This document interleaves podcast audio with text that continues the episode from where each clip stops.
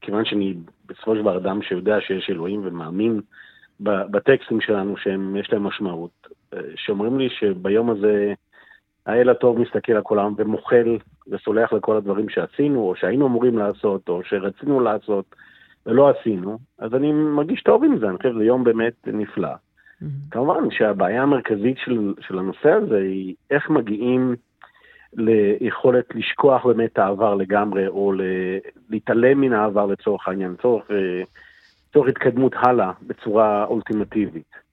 אני חושב שהבעיה האנושית היא באופן עקרוני שאנחנו תמיד זוכרים משהו. תמיד זוכרים משהו מעבר, וזה טבעי מאוד, ולכן באמת רק, ל, רק לאלוהים יש את הכוח למחול לגמרי. רק צריך להיות מוכנים לזה, צריך להשקיע בזה את המאמץ, להבין, באמת, אפשר לפתוח דף חדש. אני זוכר בערך בכיתה ד', שקראו לי למנהל, אולי לאנשים זה קצת יותר מאוחר, יותר מוקדם, בערך כיתה ד', ואני זוכר שהוא, זו פעם ראשונה שאומרים את המשפט הזה, לפתוח דף חדש. אני באמת האמנתי לו. לקחתי את זה בכל הרצינות הראויה, ואמרתי, תשמע, נותן לי הזדמנות להתחיל מחדש, אה, באמת בשבועיים אחר כך התנהגתי מאוד מאוד יפה. אני חושב באופן עקרוני זה אותו דבר ביום כיפור. אם באמת אדם לוקח את הנקודה הזאת של, הנקודה הזאת של זמן, ומשקיע את המאמץ הנכון בה, במחשבה עצמית בעיקר, התפילות הן לפי דעתי הן מועילות, אבל הן לא העיקר, אלא אדם חושב באמת לאן הוא הולך בשנה הקרובה, לאן הוא הולך בשנים הקרובות. וואי, המחשבות האלה, תקשיב, אני בעשרה ימים האחרונים, הייתי כל כך נטועה בחשבון נפש פנימי, ממש הרגשתי שזה מקבילה מדויקת לפסח. עשרה ימים לפני פסח אני מנקה כל פינה בבית, עוברת על כל נקודה ומנקה, אין מקום שאני לא מגיעה אליו. והרגשתי שזה בדיוק מה שאני עושה בהקבלה בעשרת ימי תשובה. עוברת על כל פינה, אפילו בחלומות שלי בלילה, היה לי איזה מין חשבונות עבר כאלה שנפתחים, ואני עושה, עוברת אה, עם מטלית בין הפינות ובין החריצים. זה, זה לפעמים גם מאוד מאוד מעמיס, המהלך הזה הפנימי של חשבון נפש ולפשפש במעשינו ולחטט במי אנחנו, מה אנחנו ומה המשמעות של כל דבר. ואם הייתי בסדר או לא הייתי בסדר, זה גם מאוד עמוס. זה הרעיון אבל, אני חושב שאדם לא יכול להחליט מרגע לרגע, אדם צריך לחשוב על זה, להשקיע בזה את מאמץ, כמו בכל תהליך אה, אסטרטגי ארוך טווח. אנחנו חושבים עליו קדימה, אחורה, חושבים על ההשלכות שלו, חושבים לאן נגיע. אני ביום כיפור אוהב ללכת, זה בעיקר מה שאני עושה, אני הולך מבית כנסת אחד לבית כנסת שני, כנסת שלישי, זה נותן לי הרבה זמן לחשוב, לא מפריעים לי בדרך, אני יכול לחשוב על דברים שעומדים ברומו של עולם או ברומו של עולמי. ובאמת להתייחס לאן אני הולך. אני חושב שלכן גם כן המערכת החגים הזאת, שבכל מקום אחר בעולם היא משגעת את כולם. אתה מסביר לעובד, למעביד שלך שיש לך עוד יום חופש ועוד יום חופש, וזה צום וזה חצי צום. אצלנו זה דבר קלאסי, יש לך חודש אלול שנותן זמן לחשוב, יש ראש השנה שנותן זמן לחשוב, גם אוכלים קצת בדרך, ופה יש צום, יש עשרת ימי תשובה. הדברים האלו מוסיפים בנופך של זה, אני חושב שזה היופי הפרקטי של זה. שבאמת צריך לקחת את זה ברצינות. עכשיו, מה שמדהים אותי, שבסך הכל זה יום אחד בשנה. זה, אין, אין לזה סיבה אה, אה, מדעית, למה דווקא היום הזה. יש לזה סיבה רוחנית, החלטנו שזה היום. באופן עקרוני, אדם יכול להגיע לזה בכל יום בשנה, רק האווירה מסביב לא, יש יום אוב, אובייקטיבי שבו אנחנו מוכנסים לאיזה, כמו שאמרתי קודם, כמו איזה אמבטיה כזאת, ויוצאים נקיים. זה, זה כן. אובייקטיבית קורה בעולם באותו רגע, גם אם לא הלכתי לתפילה וגם אם לא התהלכתי בדרך וחשבתי מחשבות, היום הזה מנקה אותי, מוחק. ללא ספק. ללא לא ספק. מוחק, מכפר אמרת, נכון? כן, מכפר, אבל אני רוצה להגיע למוחק. כי לכפר, לכפר זה אומר שהצלקות, זאת אומרת, אנחנו לא מוחקים, אנחנו חיים עם, זה חלק מהרעיון, לא? הסליחה לא מוחקת את המעשה. הסליחה לא מוחקת, אבל הסליחה יכולה, סליחה אמיתית, הרי, הרי זו השאלה, יש לנו מערכת יחסים עם מישהו. נכון. עכשיו, אנחנו, מצד, נגיד שלצורך העניין, כל אדם, חבר, חברה, איש, אישה, לא, ילד, הרי הבעיה המרכזית היא שהרי נריב איתם עוד פעם. הרי זה, זה כאילו, זה ככה הטכניקה עובדת. אני קם בבוקר, יש סיכוי שיקרה כך וכך. איך אני מתחיל את המאבק מחדש כל פעם, ולא מאפס, ולא, ולא מ, לא גורם את כל השאריות שאני מחזיק 20 שנה, 30 שנה, שיצוצו שוב פעם. לא, לא, לא מהמספר שהגעתי אליו, אלא אני כאילו חוזר לנקודה שתאפשר לי את מערכת היחסים. כן, זה, זה, אני חושב שזו הבעיה הכי גדולה של כולנו, אני, אני חושב שזו בעיה אנושית ידועה. איך אני מתחיל מאפס? כל, הרי אני אריב, זה ברור לי שיהיה לי בעיות, השנה הזאת אני אעבור על דברים שאני לא אמור לעבור עליהם, אני אעשה דברים שאני לא אמור לעשות אותם, ברור לי. זה, זה כאילו הנחת יסוד פשוטה. כאילו זה, לא, זה עד היום, ב-48 שנים האחרונות של חיי, ככה זה עבד. לא מאמין שזה יקרה אחרת בשנים אבל הקרובות. לכ- לכן אצלנו יש הבדל בין היהדות לנצרות, ככל שאני מבין, שהיהדות לא באמת מוחקת, אלא המילה כיפור זה לכסות. בעוד שאצל הנצרות, שוב, אני קטן מאוד אתה בנצרות, מתוודה אצל הכומר, אתה וזה משהו נמחק לגמרי, זה הופך להיות טבולה ראסה. פה הפוך, פה הכל נשאר, רק מקבל תכסית כאילו, שזה הכיפור. נכון, יש נקודה כזו, אבל ברמה יותר גבוהה אפשר להגיע למצב שבו להתחיל את היחס אל אנשים מסביב מאפס. אתה שומע, זה הכל נשאר, השאלה איך אתה, אם אתה יכול לדכא את זה בצורה מסוימת, אם זו המילה נכונה, לסגור את זה בצורה כזאת שאומרת, אני, זה לא עולה לי עוד פעם לראש. זה, זה, זה שמה, יש, יש את העבר שלי, אבל אני מצליח להגיע לשיחה משיחה חדשה. אני חושב שיש על זה, יש על זה עשרות סיפורים, נכון. אני יכול, אם, אני יכול להגיד סיפור, הכי קלאסי הוא על אה, רבי אלימלך מליזנסק, שהתלמיד שלו אומר לו, אתה יודע, אני רוצה לראות איך הרב עושה איך הוא עושה את הרב עושה את אה, כפרות. אז רבי אלימלך אומר לו, תקשיב, אצלי זה מאוד משעמם, אני פותח את הסידור, אומר את הכפרות, ופה העסק נגמר, ואני עושה את זה, אבל תלך, תלך לפאב של, של ג'אק, הפאב המקומי, ותראה איך ג'אק עושה שם את הכפרות. טוב, הוא מגיע, ל, הוא מגיע לג'אק, אומר לו, אני יכול להיות אצלך? אומר לו, לא, לא, לא נוח היום. נו, מתחנן, מבקש. בסוף אומר לו, אתה יודע מה, טוב, תשאר פה בצד. בשתיים בלילה הוא רואה שג'אק מגיע אליו, מגיע, ל, יורד למטה מהחדרים שלו, מהבית שלו, יורד לתוך הפאב עצמו, מביא איתו שני, שני ספרים עבי כרס. מתחיל לקרוא, בראשון בהם, הוא אומר, תראה, אלוהים, ביום הראשון של השנה אה, עשיתי ככה וככה, גנבתי מההוא קצת כסף, את הבירה שלי שמתי, שמתי מים, על הסקוט שלי לקחתי פי שמונה מהמחיר המקובל, וכולי וכולי. הוא אומר שם את כל הדברים שהוא עשה במשך השנה.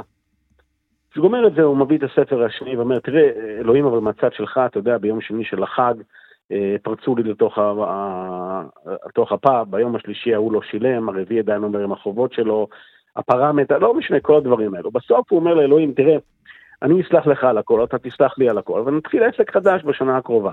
זה לימוד עצום. האם באמת, ברגע שאני יכול להתחיל מחדש, העולם שלי נראה הרבה יותר טוב. ואתה אה, גם מתחיל מחדש, אבל אתה גם הבן של, אי אפשר להימנע מזה.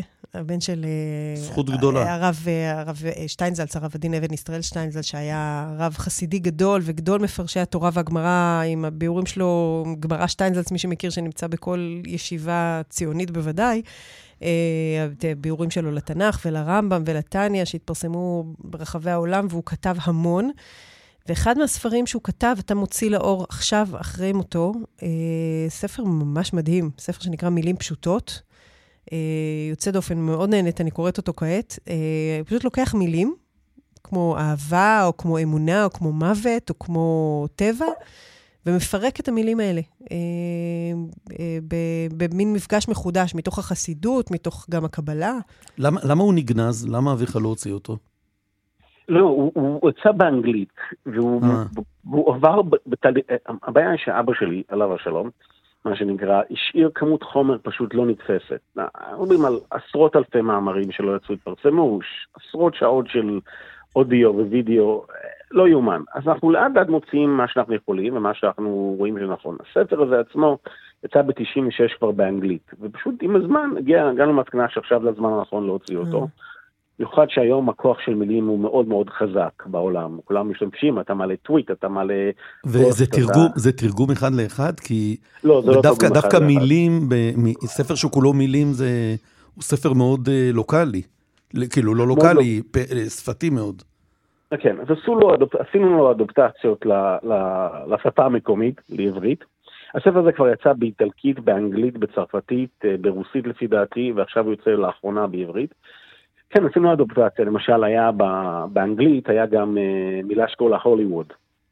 אה, בארץ, לא השתמשנו. אז מה. עשיתם? נראה- פשוט לא הכנסתם את הפרק הזה? לא הכנסנו אותה לפרק הזה, אה, פשוט נראה לנו, גם, עבר גם 30 שנה מאז שהספר יצא, אז יש המון שינויים גם בעולם ה... כן, גם הוליווד זה. כבר לא הוליווד. במילה, אנחנו לקראת סיום, במילה סליחה, מה נמצא בספר? חושב בסליחה בספר מופיע בדיוק הדברים האלו, מה שאמרתי קודם. הרעיון הזה של. סליחה. סליחה בין אחד לשני, סליחה גם בין אדם לחברו, גם באמת להרשות לעצמנו גם לסלוח לעצמנו. כן. אנחנו לא, לא יצורים מושלמים. ו- ולא נהיה. אוי, זה הכי קשה, כנראה. לסלוח לעצמנו. אבל הספר נכון, נקרא מילים אבל- פשוטות, ספר הגות של אבא שלך. אה, הרב אה, מני, תודה רבה. תודה. שיהיה שתהיה... לכולנו גמר אני, טוב. אני אף פעם לא יודע אם להגיד אה, מה? צום, כי אצלנו נגיד היו אומרים צום קל, שצום קל אה, מה ומועיל. אתה אומר? מה אתה אומר? צום קל, אני חושב הדבר הכי קשה, ב- על רוב האנשים זה הכי קשה להם. צום קל ותפילה קצרה. תפילה. קצרה, בכל זאת כתוב והניתם את נפשותיכם, צריך תפילה ארוכה וצום קשה, בכל זאת כתוב. לא, לא, למה? שתהיה, מה שלא יהיה, שיהיה גמר חתימה טובה. ואנחנו. נחזור מיד אחרי השיר הבא, וקצת פרסומות, נחזור לעוד שעה שתו מיוחדת. כוס מים, שתו כוס מים.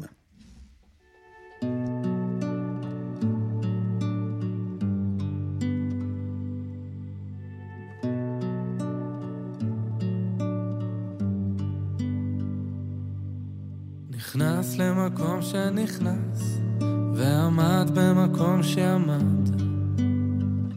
רחץ ידיו רגליו, טבל עליו ונסתפק. בא ממקום שהוא בא, והלך למקום שהלך. פשט בגדי החול, לבש בגדי לבן.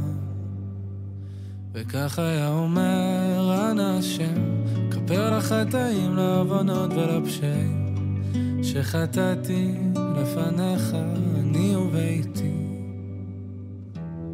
ואם אדם היה יכול לזכור את הפגמים, את החסרונות, את כל הפשעים, כל העוונות, בטח כך היה מונה אחת, אחת ואחת, אחת ושתיים, אחת ושלוש, אחת וארבע, אחת וחמש. ישר היה מתייאש, כי לא יכול היה לשאת את המרירות החטא, את הבושה, את הפספוס, את ההפסד.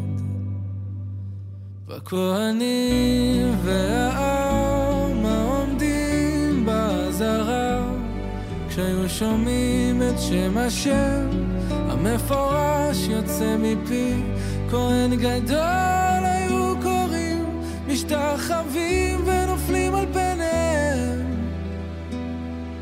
ברוך שם כבוד מלכותו לעולם ועד.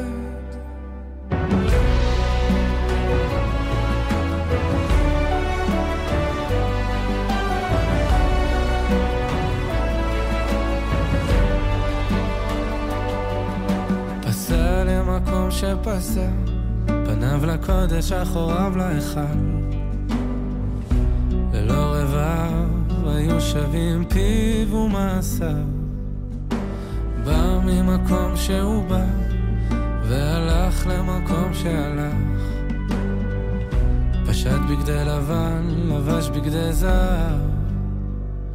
וכך היה אומר אנא השם, כפר לחטאים, לעוונות ולפשעים, שחטאתי לפניך אני וביתי. ואם אדם היה יכול לזכור את החסדים, את הטובות, את כל הרחמים, את כל הישועות, בטח כך היה מונה אחת, אחת ואחת. כאן רשת ב' אמילי אמרוסי ויובל אלבשן. הנה, אנחנו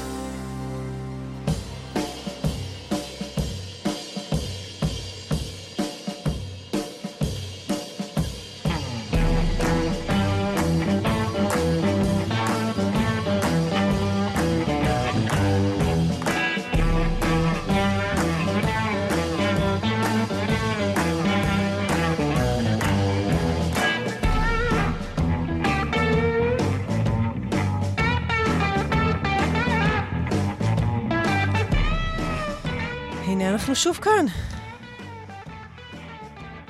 שלום יובל. אהלן, אהלן, אני קורא את התגובות. הצטרף אלינו עכשיו מהצד השני של הזכוכית, אה, יוסי תנורי. אה, ואנחנו ממשיכים בתוכנית הזאת שנעה בין אה, ציון 50 שנה למלחמה ההיא לבין, אה, אה, לבין יום הכיפורים אה, כשלעצמו. אה, אני עובר כאן על התגובות, יש פה תגובות אה, באמת מעניין אותה, האמת. אבל אה, שוב, כולם מדברים על הסיפורים שלהם בכל ההקשרים.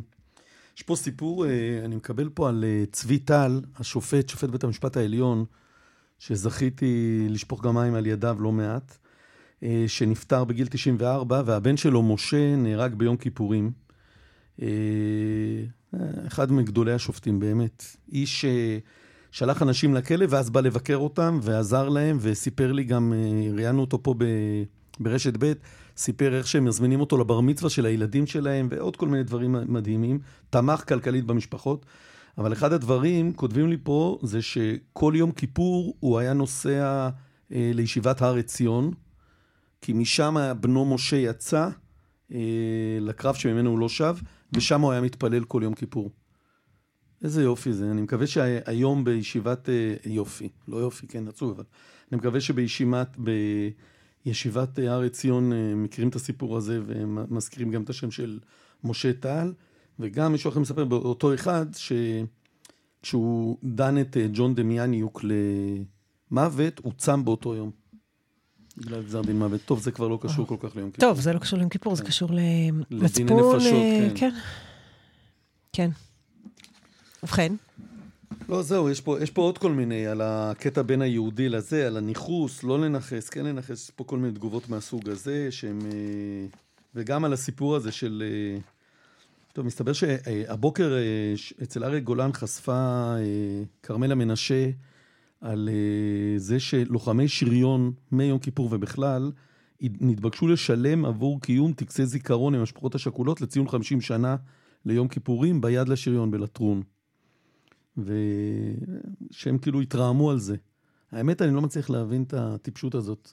למה הם צריכים לשלם על הטקסים לזיכרון, ליובל שנים למלחמת יום כיפור? נשמע הזוי ממש. כן, אז אה, כרמלה מנשה לא, כתבה... לא, וזה איזו התארגנות פרטית? לא, לא, לא, לא, לא. וכתוב פה שהאלוף חיים ארז, שהיה מפקד החטיבה, התפטר בגלל זה מעמותת יד לשריון.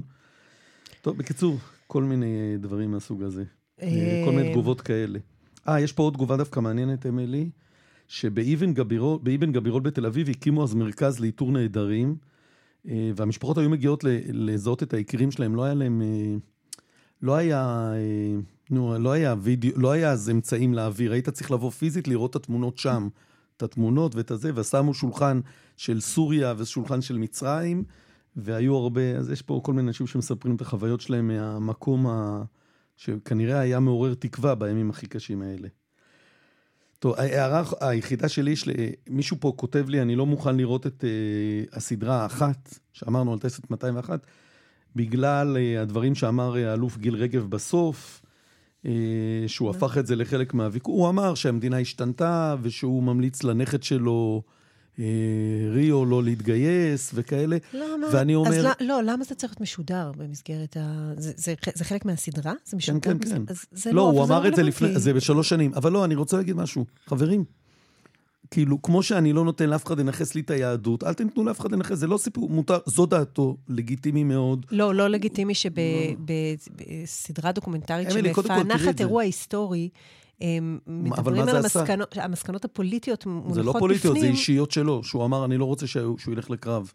אני לא מוכן כי המדינה השתנתה בעיניי. והוא אמר את זה בכאב גדול, זה הייתה, בעיניי זה היה רגע אנושי. למה זה צריך להיות אבל בתוך, ה, בתוך סדרה? תראי את הסדרה. מדברת על, אבל על 70, מה קרה ב-73, לא מה קרה ב-2023. לא, וחוזרים כל הזמן, זה הכוח שלה, אתה מראיין עכשיו את האנשים. ותראי את הסדרה ואז תביני, זה רגע בעיניי שאותי מאוד ריגש והרטיט, אני גם לא מאמין. נשמע כאילו ליוצרים היה חשוב לעשות גם איזו אינדוקטרינציה. לא, לא, זה, זהו, זה התרגום, סליחה שאני אגיד שהוא רדוד, אני לא אוהב להיכנס לשם. אני חושב שזה מה שהוא אמר, הם לא הכניסו לו מילים בפה, וזה מה שהוא הרגיש, אני לא האמנתי לו, אני לא מאמין שהוא באמת חושב שהנכד שלו לא ילך לקרבי, ואני גם לא מאמין שהנכד יקשיב לו, ולכן זה היה פשוט זעקת כאב שצריך להקשיב לה ככזו. ואני אומר לאנשים, זה שגם את הסדרה המופלאה הזאת, אתם עכשיו מכניסים למאבק הנוכחי, למרות שהיא צולמה לפני שלוש שנים, אז חבל. אתם מפסידים, כמו שמי שלא צם ביום כיפור רק כי הוא רוצה, כי הוא לא יכול לראות את הפנים של מי שמייצג היום את הציונות הדתית, הוא עושה טעות, כי הוא נותן לאחרים לנס, לנכס לו את הדברים האלה. לא כל הציונות הדתית זה לוינשטיין ובן אוליאל והאלה שבאמצע. אותו דבר פה, אל תפסידו את הסדרה הזאת בגלל שנראה לכם שיש פה איזה ניצול פוליטי. תראו את זה בתור זעקה אישית, ואחר כך תעשו אתם את החשבונות. הפוליטיקה לא, לא הכל צריך להיכנס לבינאריות הזאת של שחור לבן, איתי או נגדי. כן. אני אגיד משהו על סליחה, בגלל שאנחנו בערב יום כיפור. סליחה זה, זה מהלך שלפעמים אפשר לעשות אותו באופן מפתיע, אפשר לעשות אותו כלפי הפוגע או פוגעת, ויותר קשה, מה שגיליתי, וגם שמעתי אפילו תיקוף לזה בכנס שהנחיתי השבוע, יותר קשה לעשות את זה על מה שנקרא ועוזריהם. כן, אה, ה, מי שהיה שם ולא מחה כנגד הפגיעה שלך, מי שלא אה, נמנע מלהושיט עזרה, מי שאמר לך אחרי הפגיעה, אתה, אתה זה שאשם, את זאת שהבאת את זה על עצמך, את התלבשת חשוף, כן? האנשים האלה הם האנשים שהכי הכי קשה לסלוח להם. אני באופן אישי סלחתי למישהו שפגע בי פגיעה נוראית, סלחתי לו ואני לא יודעת איך ביצעתי את הסליחה, אבל בהחלט סלחתי לו ולא אסלח למי שעזר והיה שם כדי לתקוף אותי ו- ולהגן עליו, לא אסלח. למה זה יותר חמור ממה שהתוקף עצמו כאילו יש משהו בנפש שאתה אומר איך, לא יודעת, אני לא, לא יודעת להסביר את זה, אבל אני, אני יודעת שאני הצלחתי לעשות איזה מהלך מול התוקף עצמו, ועדיין לצבור המון המון כאב וכעס וזעם ועלבון מול מי שהיה שם. מה אתה קשור לאירוע? נכנס לאירוע, מגן על התוקף ו- ופוגע בי. לאדם הזה אני לא אסלח. אבל הנה, את רואה שאנחנו לא, אנחנו, כשאנחנו... לפעמים כשילדים אתה מדבר איתם על מושג הסליחה, אז הם אומרים, ביקשתי סליחה, מה אתה מזכיר את זה עוד פעם? והנה, את אומרת יפה. לא, זה, זה מהלך שאני עשיתי. לא, לא, לא זה שסלחתי לתוקף, זה לא אומר שאני שוכח, זה בדיוק המושג, למה אני אוהב ב- בעברית את הכיפור. זה בדיוק ההבדל, הכיפור זה לכסות, זה לא מוחק. זה בדיוק למה לפעמים מפריע לי האלמנט, שוב, אני לא מבין, ואולי אני אומר עכשיו דברים הכי שטחיים, כי אני לא מבין בנצרות. העניין הזה של למחוק, ואז כאילו, די, ביקשתי סליחה, אמרת סליחה, גמרנו. או ביטוי בכלל שאני לא אוהב, אם נפגעת אז, שאני גם שומע אותו הרבה בזמן האחרון. זה לא, זה לא, ההנחה היא, אם נפגעת, אתה שוב מעביר את, ה, את האשמה לזה שבחר להיפגע. לא, אתה פגעת, ואנחנו לא שוכחים כשאנחנו סולחים, אנחנו משאירים את זה שם. מי שלומד את הלכות סליחה, הבקשה, הדרישה ממי שמבקש סליחה. איפה זה? בהרבה, מהרמב"ם, מהרב קוק, מלא משנה, מי שמתעמק בזה כאילו ביהדות, אתה רואה כמה מבקשים ואיזה דרישה יש מהפוגע, או ממי שמבקש סליחה, להזיע. להזיע. ילך וירצה אותו ויגיע עד אליו, והוא זה שצריך להזיע, לעבוד מאוד מאוד קשה. ועדיין, למי שנותן את הסליחה, כן, הנפגע, יש את כל הזכות גם לסרב. הוא לא חייב למחול. הוא לא חייב למחול. אבל אז הוא נשאר. הוא נשאר עם המיץ על זה עם הפרופסור שאתה... כן, על על אה, זה שאתה סוחב איתך את הכעס, מה המחירים של זה אצלך באופן אה, אישי.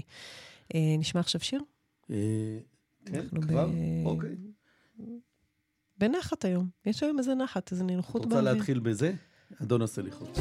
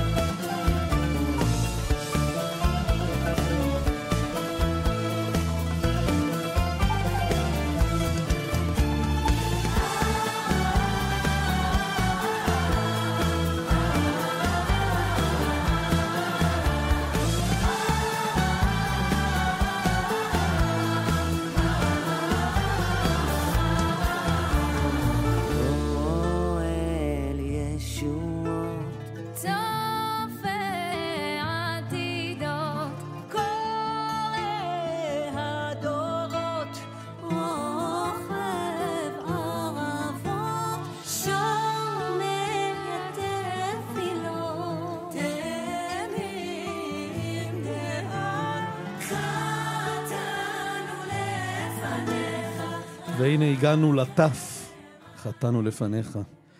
ואנחנו עדיין בענייני הסליחות. אני השתתפתי השבוע בכנס שהוא היה מטלטל, מקומה של הסליחה בעולמה של הפגיעה המינית. עצם ה... המילים האלה זה וואו, זה עורר הרבה תגובות, רק, רק הכותרת של הכנס. ומה ששמעתי שם היה פשוט מהפך בטן. מתברר גם... שגם במחקר, אה, מי שסולחת משתקמת טוב יותר. בוקר טוב, פרופ' טלי גל. בוקר אור. את ראש אה, קתדרה לזכויות ילדים ונוער באוניברסיטה העברית. את אמנם לא השתתפת בכנס, היה שם מישהו אחר נכון. מאוניברסיטה העברית שחוקר את זה, דוקטור פיאמנטה, יונתן פיאמנטה, נכון. שהיה מדהים ומרתק. אה, ואנחנו רוצים לדבר איתך. טלי פעילה במועצה לשלום הילד, אני מכיר אותה לדעתי משנת 93, אני צודק? אל תגלה, אל תגלה כן, כמה שנים. כן, אבל, אבל סביב הילדים כל הזמן. ואנחנו רוצים לדבר נכון. איתך על, על סליחה ופגיעה מינית. קודם כל על התקשורת הקבועה והאינסופית שמתקיימת בין הפוגע לנפגעת, גם אם הם לא נפגשים. הם בעצם נפגשים כל הזמן, נכון?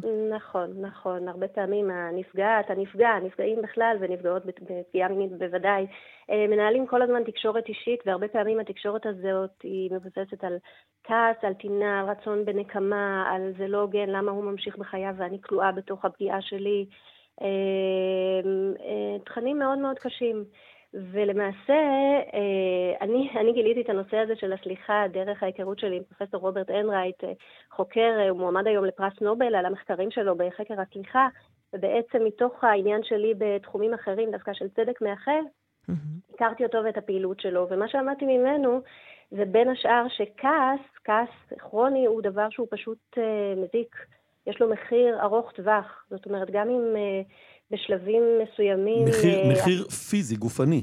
מחיר פיזי גופני, גם נפשי, גם חברתי. אבל פיזי גופני, למשל, אנחנו יודעים היום, אה, הקורטיזול, זה הורמון הלחץ שקשור בכעס כרוני ככה ברמות גבוהות, אה, אה, קשור במחלות שונות, אה, סוכר, דם, אה, לב, כל מיני דברים כאלה. סרטן, לא? סרטן גם, וגם מי שמדחיקה כעס, זאת אומרת, הצד השני, כלומר, אחד הדרכים, אחת הדרכים להתמודד עם כעס כזה, וזאת הדרך היותר רווחת, זה להדחיק. והדחקה של כעס שמתגלה בגוף ברמות קורטיזול מאוד מאוד נמוכות, גם קשורה, כבר בשנות ה-70 מצאו שהיא קשורה למשל בסרטן השד. זאת אומרת, יש מחיר גופני. וואו. לשמירה על כעס לאורך שנים.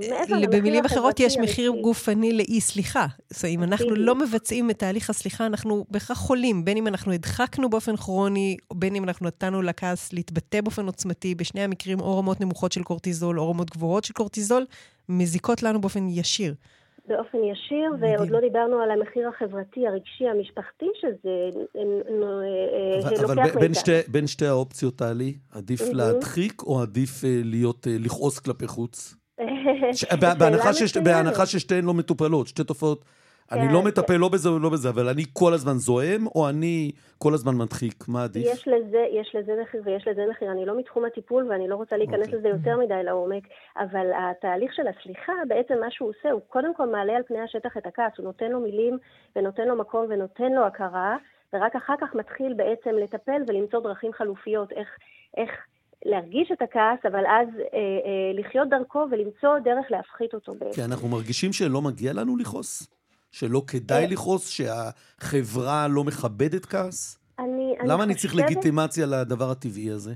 כי, כי אני חושבת שאנחנו לא יודעים להפריד בין רצון לצדק לבין רצון לוותר על הכעס. Mm. מה שסליחה אמיתית, סליחה שאני היום מכירה אותה יותר ואנחנו עושים עליה מחקרים, היא בעצם סליחה שמפרידה בין שני הדברים. זאת אומרת, אני, אני אדגיש, סליחה היא לא הצדקה של המעשה, היא לא. שכחה של המעשה, היא לא מזעור של החומרה שלו, היא לא ויתור על דרישות לצדק. זאת אומרת, אני יכולה להמשיך לרצות שיהיה משפט ושהאדם יורשע ושהוא ילך לכלא וייענש, כן? Mm-hmm. אה, אה, זה לא אומר שהמעשה היה כן? פתאום צודק. רגע, את אומרת מה היא לא, מה היא כן, נכון, הסליחה? נכון. הסליחה היא בעצם תהליך הדרגתי, הרבה פעמים הוא ספירלי, אנחנו חוזרים לזה שוב ושוב, של אה, הפחתה הדרגתית של הרגשות, של המחשבות ואפילו ההתנהגויות השליליות שיש לנו. זאת אומרת, אנחנו חושבים שהאדם מפלצת, אנחנו מרגישים אה, אה, אה, רגשות נוראיים כלפיו, ואנחנו גם, יש לנו מוטיבציות להתנהג כלפיו, לנקום, כן? רגשות, מחשבות ו- ומוטיבציות או התנהגויות ממש שליליות. אז בהדרגה אנחנו מפחיתים את כל אלה. ואפילו לפעמים מופיעים גם רגשות, גם מחשבות ואפילו התנהגויות חיוביות כלפי האדם השני. אבל אני רוצה להדגיש, זה לא פיוס. זאת אומרת, סליחה, אני מדברת על סליחה פנימית שאדם או אישה או ילד או ילדה או נער או נערה עושים עם עצמם מול אשת טיפול. זה בחדר אה, הטיפולים, זה לא שנפגשים, לוחצים ידיים בדיוק, ועושים סולחה, אה, כמו איזה דמיון ש, של ריפוי ככה בחיבוק. זה קורה בחדר הטיפולים. עכשיו, אתם בעצם מגיע, מגיעים ל... יש, יש מחקר בארצות הברית שבחן אה, אה, את אתגרי הסליחה, את השפעות הסליחה על נפגעי ונפגעות תקיפה מינית, ואתם לוקחים את המחקר הזה. וממשיכים אותו פה בישראל, לראשונה בעולם, לנפגעי ונפגעות תקיפה מינית מתחת לגיל 18. נכון, נכון. אני אה, לא יכולה הרבה לפרט על המחקר הזה, בגלל סיבות מחקריות של... תלות בעיצומו. אה, בדיוק, וקבוצת הביקורת לא יכולה בדיוק לדעת מה קורה וזה, אבל אני אספר על מחקר אה, מאוד חשוב שנעשה בארצות הברית באמת, כבר בשנות ה-90, אה, פרופסור סוזן פרידמן, שהיום היא יועצת שלנו במחקר הנוכחי, בעצם הביא מטפלת, היא פסיכולוגית. היא אספה במודעות בעיתון פשוט, נשים שנפגעו בגילוי עריות, והיו שנים בטיפולים אחרים ולא הצליחו, ולא, וסחבו איתן את הפגיעות שאנחנו יודעים ש, שיש, כן, לנשים נפגעות פגיעה מינית ובטח בגילוי עריות, ובעצם הציע להן להיכנס למחקר הזה. מחציתן עברו מיד תהליך, זה בעצם 20 שבועות של טיפול כזה, טיפול ממוקד, סליחה, כמו שאמרתי קודם, בהתחלה שמים את הכעס דווקא על השולחן, ומדברים על העוול ועל אי הצדק, ואז לאט לאט בהדרגה זה מאוד מובנה, יש 20 שלבים. אה, ועברו את זה. וקבוצת הביקורת היו בקבוצת המתנה בעצם, ואחרי זה התחלפו, זאת אומרת, קבוצת הביקורת נכנסו לטיפול ועברו גם 20 שבועות כאלה, ואת כל זה היא ליוותה במחקר, בשאלונים, בראיונות. Mm-hmm. והממצאים היו מדהימים. שוב אני אומרת, אלה נשים שהיו שנים בטיפולים, והיו uh, בדיכאון קליני, והיו עם חרדות ועם הישגים אקדמיים ומצב חברתי וכולי, הכל שילמו מחיר מאוד מאוד כבד.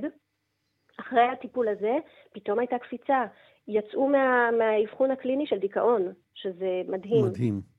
שזה טיפול אה, קצר. זה נשמע ממוקד, 20, בעצם 20 שלבים נכון, כזה. נכון, נכון, זה טיפול קצר וממוקד. אני חייבת להגיד שאני מבינה את כל אלו, אני הרי, שוב, אתה יודע, יובל, אמרת. את זה גם, אני באה מהכיוון של ילדים, לא סתם על הילדים נפגעי עבירה. אני מבינה את הבטן המתערבלת והמתהפכת כששומעים את זה. אה, אמילי, גם את אמרת את זה כן. קודם, כשמדברים על סליחה בהקשר של פגיעה מינית. אני מאוד מבינה את זה. הבעיה היא שאם אנחנו מסתכלים באופן פרגמטי, אנחנו רואים שדברים אחרים פשוט לא עוזרים. אבל תגידי, כן. את אומרת, הרצון לצדק והרצון לוותר על הכעס, הם כאילו, זה, זה מסלולים שהם לא בהכרח אה, מצטלבים, אלא מקבילים. אבל נכון. האם באמת אפשר לוותר על ה... לא יודע, על הכעס ולהמשיך לרצות את הצדק? כן, אבל האם זה לא מזין אחד את השני? אם אני עכשיו נכנס להליך משפטי, ואני ממשיך לתבוע את מי שפגע בי מינית, ואני ממשיך לחיות את זה, זה לא בהכרח פוגע ביכולת שלי אה, לנסות לטפל בכעס או בזעם או ב... ולהגיע למקום של סליחה. זאת אומרת, הסליחות כלפי עצמי וכלפי הבן אדם השני, הן לא איכשהו גם בכל זאת קשורות? אה, אני לא מדברת פה על סליחה כלפי עצמי, אני מדברת על סליחה כלפי האדם שפגע. אני חושבת שזה יכול להיות ככה. אז על אחת כמה וכמה.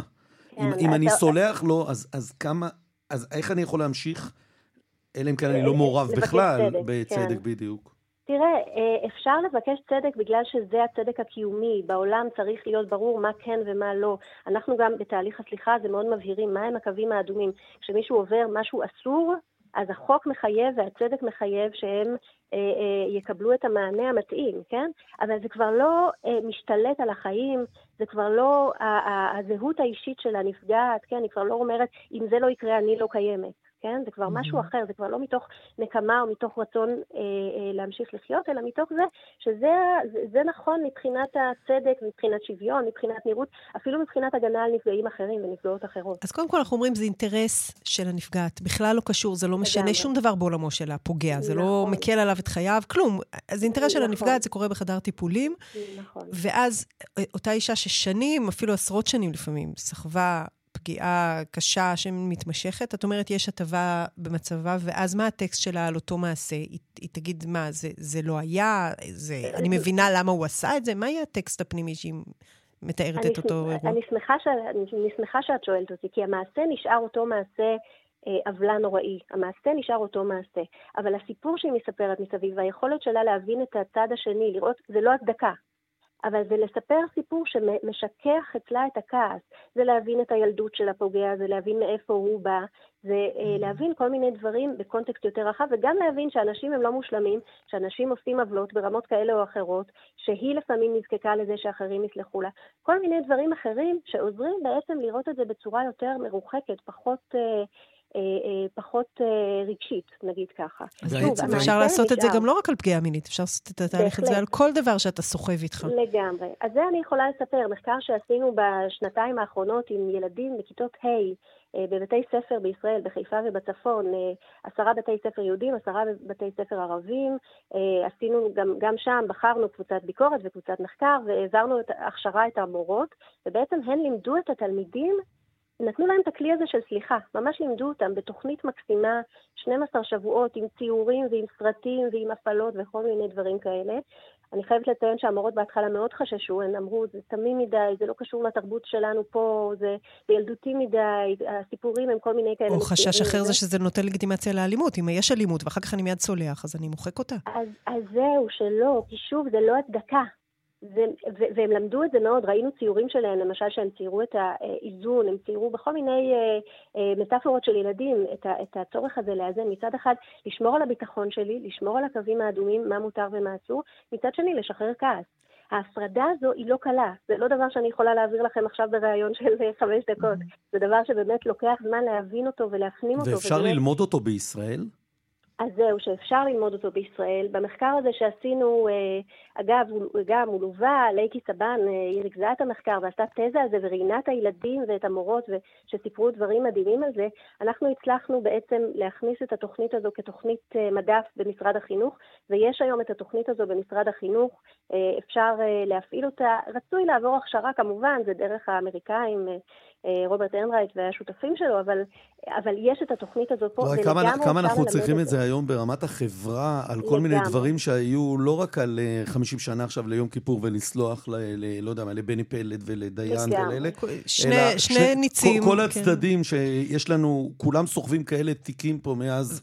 אה, מאז 48' ואחרי... ואת אומרת, אנחנו לא ממזערים את חומרת המעשה, אנחנו לא שוכחים אותו, ואנחנו גם לא מתפייסים. אנחנו פשוט נכון. מתרחקים בעצמנו בשביל הביטחון האישי שלנו. נכון. אבל האינטרס החברתי, טלי, פה לא עשוי להיפגע? כי אני אגיד עכשיו לבן אדם, תקשיב, עדיף שלא... כי אני עדיין, כי שוב, מהניסיון גם שלי, כן. זה בכל זאת קצת מתקשר. זאת אומרת, אדם שכבר נכנס למהלך של סליחה, יהיה פחות אה, נכון לרוץ, ל...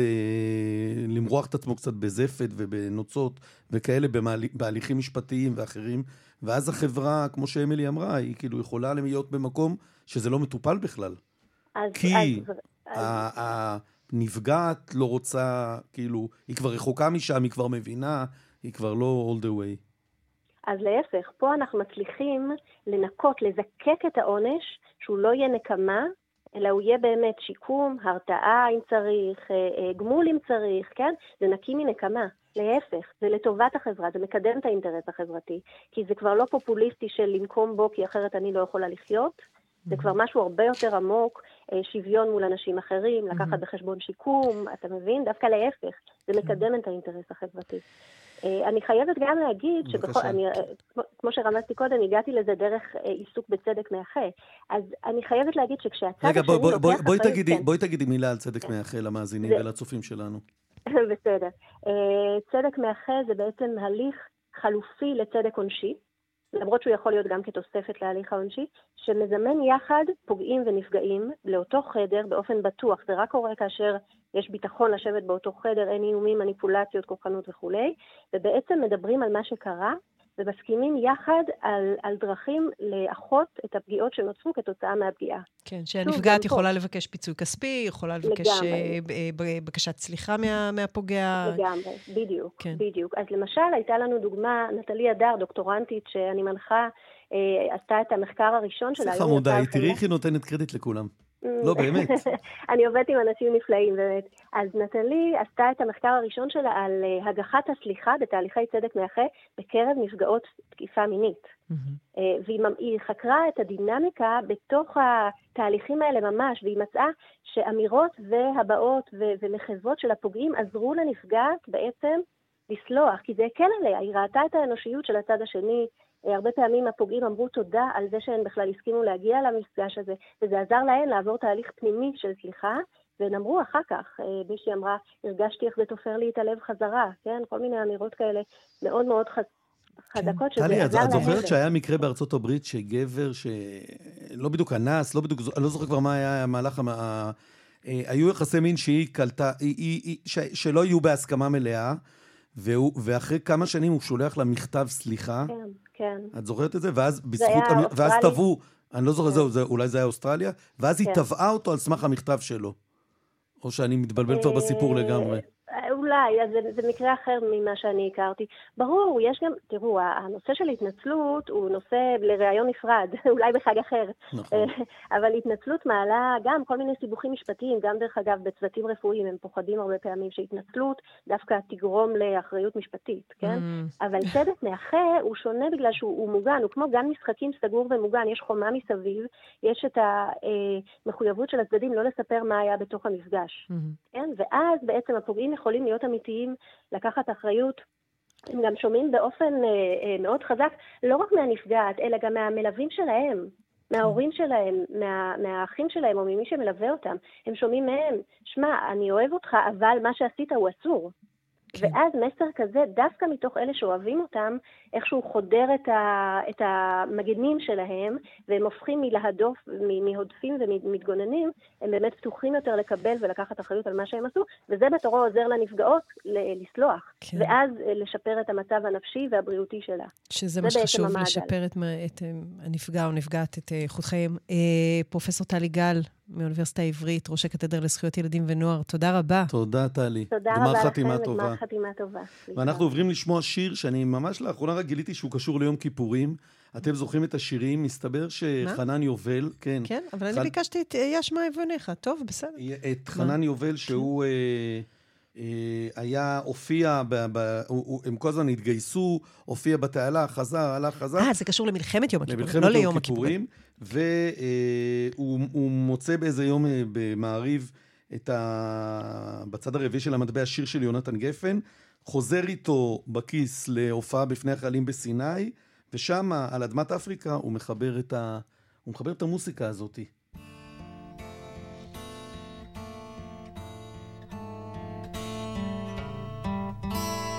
אתם זוכרים את השירים ששרנו אז, את שמי הפז, אתם זוכרים בערבים, מתחת גג של כוכבים, עם חברות וחברים, היינו לפעמים שרים. דורי דורי דורי דו.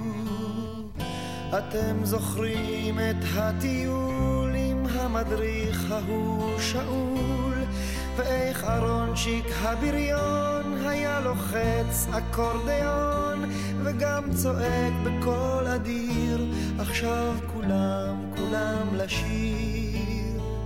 ובלילות הכי קרים היינו סתם מאושרים עם בדל סיגריה ראשונה לוקחים ללב ולריאות משתעלים ושואלים ומחכים להפתעות.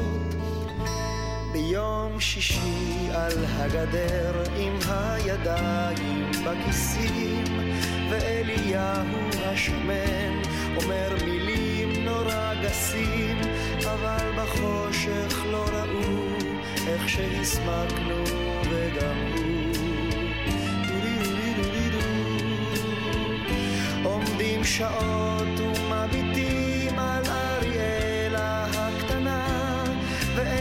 עסיס אבטיחים מחתים את לובן חולצתה ואת ליבנו התמים אשר רוקד לעומתה. אתם זוכרים את השדות הנרקיסים בשבתות הכל עבר כל כך מהר וקצת קשה להיזכר איך פעם זה היה פשוט לשיר לחיות ולא למות.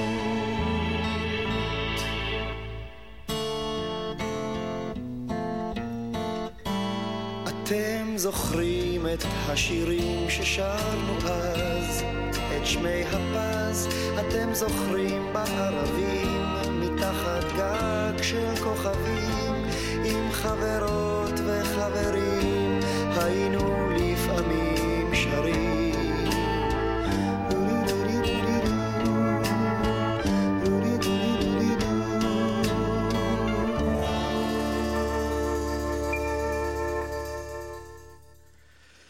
אפשר לא לזכור את השירים, ויש גם דברים נוספים שאי אפשר לא לזכור, אה, ואנחנו אה, מתכוונים עכשיו להלם קרב אה, ולהרבה דברים שהוא בא לידי ביטוי בתוכם. שלום, דוקטור אדם צחי, ראש החוג לתקשורת במכללה האקדמית הרצוג. שלום, אדם. טוב, איזה כיף שהכנסתם אותי אחרי השיר היפה הזה. נכון. אתה חקרת את השיקוף של הלומי הקרב בקולנוע הישראלי. בקולנוע ב- ב- בישראל בעשורים האחרונים. ומה גילית? אז נכון, חקרתי, אני אדייק טיפה, אני חקרתי את, אה, את הייצוג של הלם הקרב בקולנוע התיעודי הישראלי, כלומר אה, בסרטים הדוקומנטריים שהופקו בישראל.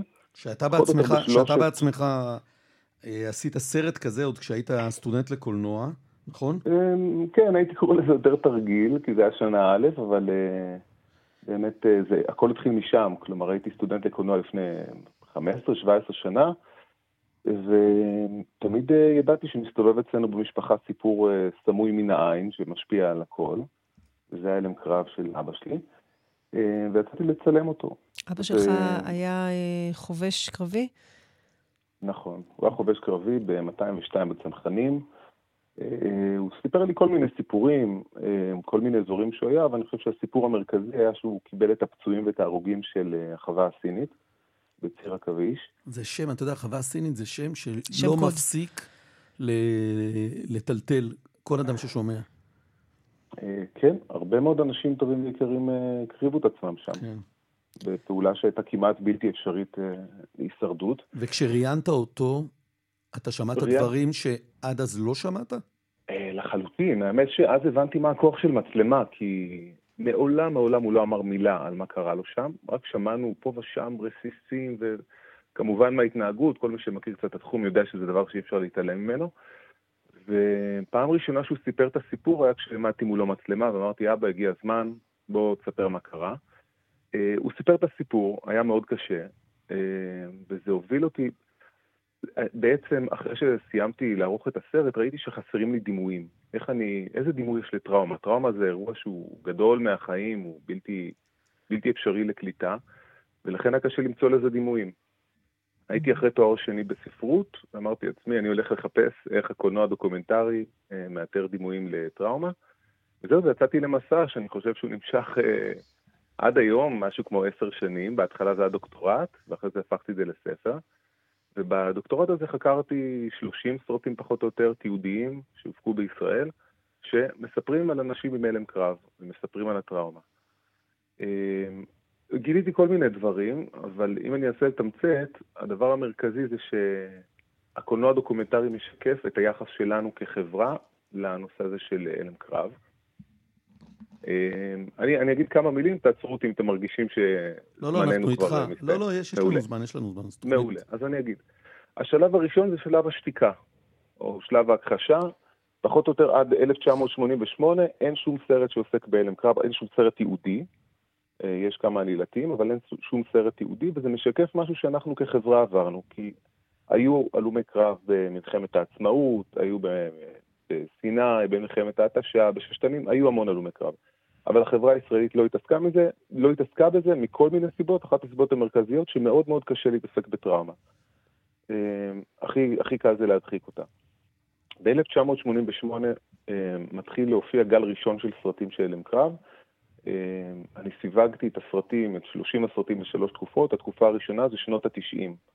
מה שקורה לנו בשנות ה-90 זה שהמלחמה נכנסת אלינו הביתה, כלומר, יש טילים, מלחמת המפרץ, יש גם, יש גם, להיות... אה, גם המצלמות הופכות להיות יותר... אה, לכולנו הייתה מצלמת וידאו בבית בשנים האלה. נכון. בשנות ה-90? נכון. כן, כן, כן, כן. נכון, גם המצלמות הופכות להיות יותר זמינות, נכון, גם המדיום הקולנועי הופך, הוא גם משנה, גם הטכנולוגיה משנה תמיד את התמונה. אה, אבל אנחנו באיזשהו מפנה שנקרא המפנה של המלחמה החדשה. המלחמות החדשות מתאפיינות בזה שמתרחשות פה אצלנו בבית, ברחוב. ולא מעבר לגבול. אבל, ואז... אבל איך, איך ההלם קרב נכנס לתוך העורף? אני מבין או, איך המלחמה אז, נכנסת אז, לעורף, אבל ההלם קרב נכנס ל... הייצוג נכון, שלהם. נכון, אז, כן. אז מה שקורה בעורף זה פגיעות חרדה, לא הלם קרב, שזה גם PTSD, כן? Post-Traumatic Stress Disorder. כן. אמ, רק שהוא לא קורה בלחימה של חייל מול חייל, אלא הוא קורה בתוך העורף. אנשים אה, נחשפים לאיומים מאוד חריפים על החיים שלהם, אה, וזה גורם לפגיעות חרדה, ובעצם זאת הטראומה האזרחית. כלומר, ברגע שאנחנו חווים טראומה אזרחית, אז אנחנו יכולים גם להתבונן בטראומה שקרתה לחייל מעבר לקווי הגבול. ואז מופיעים סרטים, אה, הגל הראשון של הסרטים, מה שמאפיין אותם, שהם חושפים את הלומי הקרב כמין כזה אירוע, לא הכרנו, לא ידענו, בואו, בוא, אני, אני עם המצלמה, אני אראה לכם עולם אחר, שכל הזמן היה פה בפני, אה, מתחת לפני השטח, ולא הכרתם, משהו מאוד, אה, מה שמכונה בקולנוע אה, מודל חשיפתי. כאילו חושפים בפנינו אטרקציה, national geographic כזה לצורך העניין. השלב הבא... אבל אנחנו מדברים, כן. אנחנו, סליחה שאני... אנחנו מדברים לא על הלומי הקרב מיום כיפור שנמצאים עכשיו בעורף. אנחנו מדברים על נפגעים בעורף שלמעשה לא יצאו לקרב. אנחנו... הקרב הגיע אליהם, אז, אם תרצה. אז, אז נכון, אז אני, אני אבהיר. יש טראומה אזרחית. כלומר, כל החברה הישראלית מתחילה להיות בטראומה, כלומר, אנחנו כן. מרגישים כאילו נופלים עלינו ואנחנו מפחדים. זה מביא את הקולנוע לעסוק בנפגעי הלם קרב של 아, אה, מלחמות ישראל. אוקיי, זה מאפשר הבנתי לנו... עכשיו מה אתה אומר, הבנתי. סוף סוף, 아, כן, יפה. אז טוב, אוקיי. תודה, ש... תודה כן, על כן, ההבהרה. כן, כן. השלב אוקיי. השני זה בתקופת האינתיפאדה השנייה. שם, כמו שאתם בוודאי יודעים וזוכרים, כולנו עם, אה, עם אה, פגיעות חרדה כאלו או אחרות. אני כל, עדיין כל... לא יכול לעצור אחרי אוטובוס בירושלים, לא יעזור. בדיוק. עברו בדיוק. 20 שנה, אני הייתי אז עם ילדים קטנים, אני לא יכול לעצור. כשיש אוטובוס עוצר, אם אני לא עוקף אותו, אני, שידחפו לפניי, לא מעניין אותי. בדיוק. אז אלה, אלה סימפטומים פוסט-טראומטיים שלא לאו דווקא מגדירים אותנו כנפגעי חרדה, אבל אנחנו סוחבים אותם. יש לנו סוחבים מעל סימפטומים כולנו. ואז הקולנוע הישראלי עוסק בהרחבה ובעוצמה בהלם קרב של חיילים מכל השנים, ומה שמאפיין את התקופה הזאת זה שהמבט של המצלמה הוא מאוד מאוד קרוב. המצלמה נדבקת לפנים של הנפגעים. יש תחושה שהיוצרות והיוצרים, בעיקר יוצרות אגב, זה משהו mm-hmm. גם שהוא נורא מעניין, אה, ממש אה, מזדהות עם הנפגעים.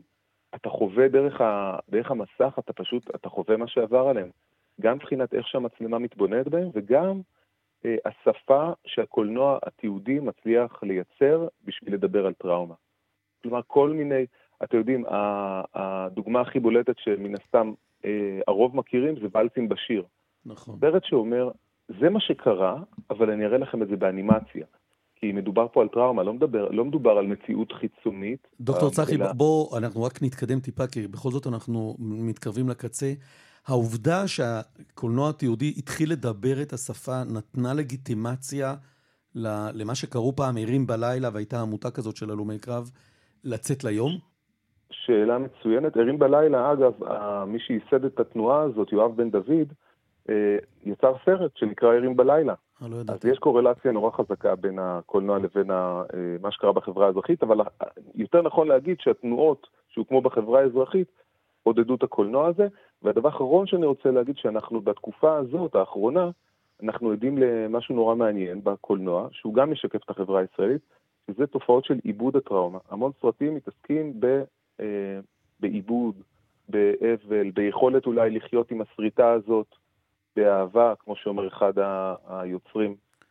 אה, וזה גם, גם מהלך שאנחנו נמצאים בתוכו, וחשוב להדגיש אותו בתקופה שאנחנו נורא נורא מודעים לטראומה, גם את זה שיש המון המון דרכים לטפל בטראומה, והמון אנשים שעושים איתה מסע. ועדיין, אתה יודע, בחמישים שנה... אנחנו, יש דרכים לטפל. אנחנו רואים עדיין אנשים ש... אתה יודע, הסתה לי לדבר הרבה בעקבות הרפורמה סלש ההפיכה עם אה, קבוצה שנקראת לוחמי יום כיפור. וכשהם דיברו על ראש ממשלה ועל זה ועל אה, מדינה שבוגדת בהם וזורקת אותם, לא ידעתי אם הם מדברים על ביבי או על גולדה, על אה, הרצי הלוי או על דדו, וכאילו היה נשמע לי שאנחנו עדיין בתוך הסיפור הזה, וזה היה עצוב.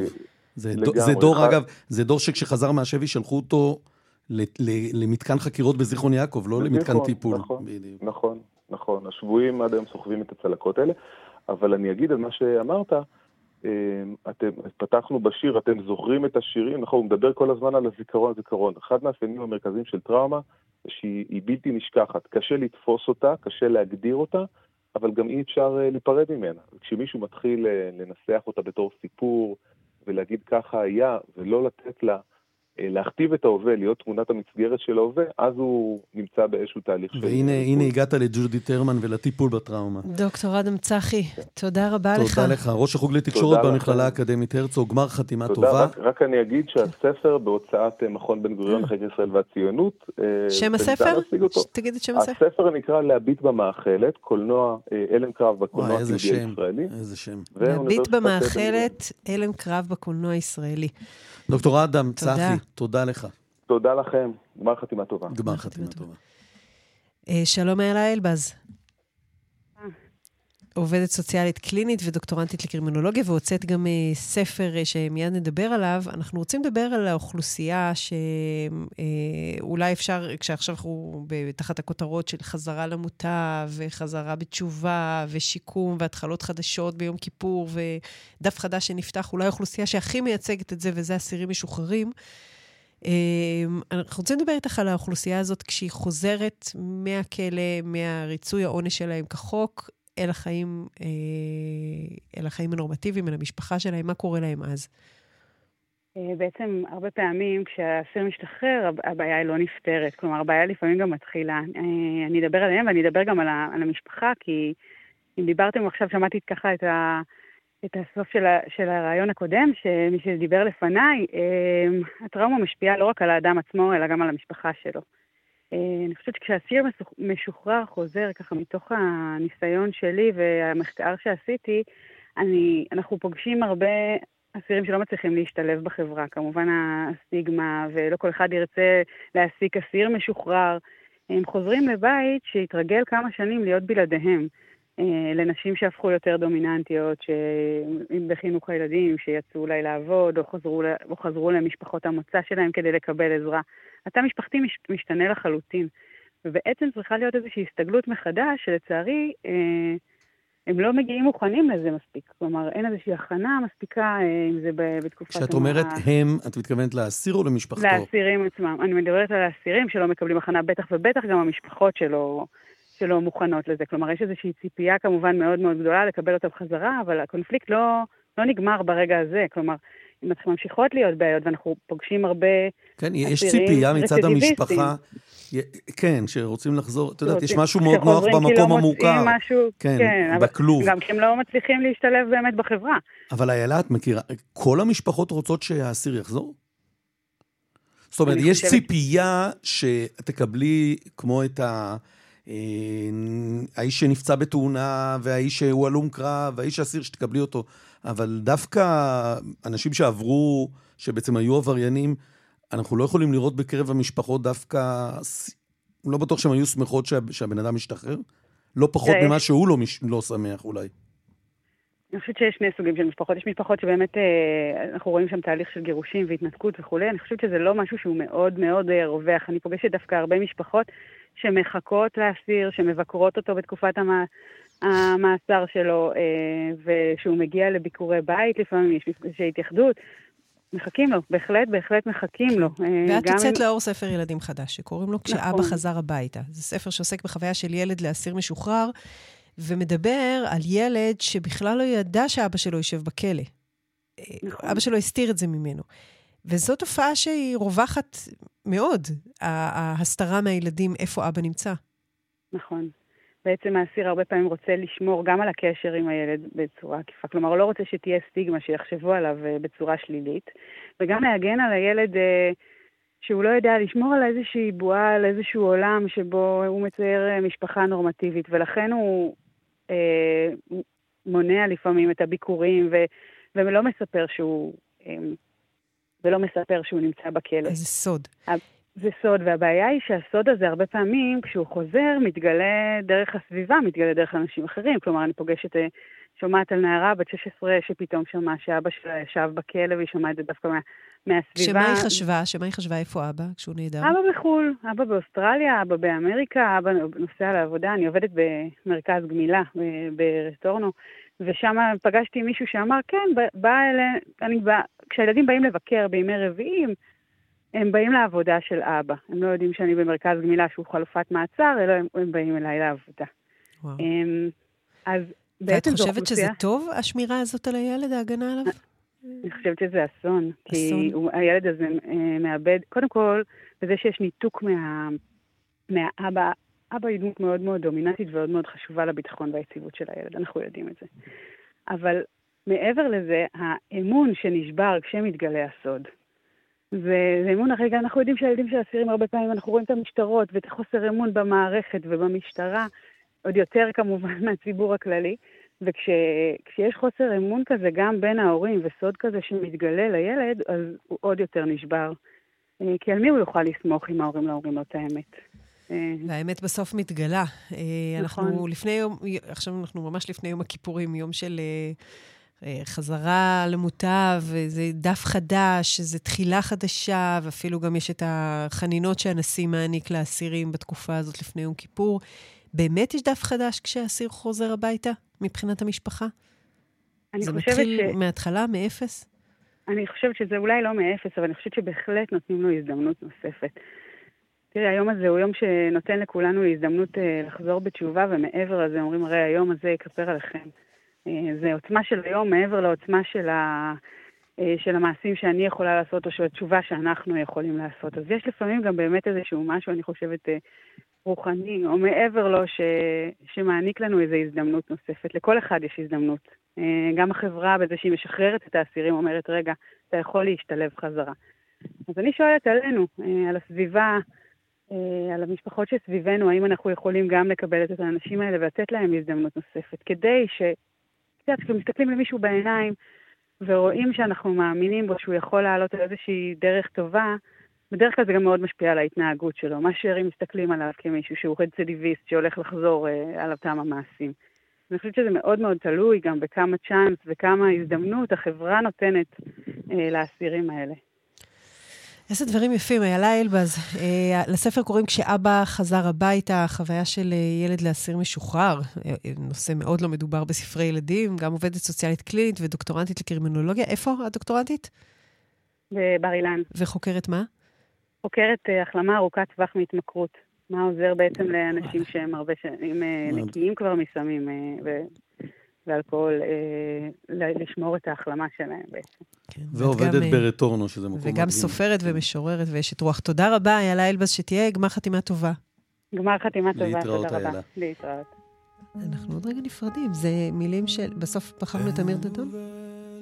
מילים מתוך תפילת יום הכיפורים. כן. אשרי מי שלא חטא, אשרי מי שלא חטא, ומי שחטא ישוב ישוב, ישוב ישוב, ועם חולו, ומי שחטא ישוב ישוב, ישוב ישוב.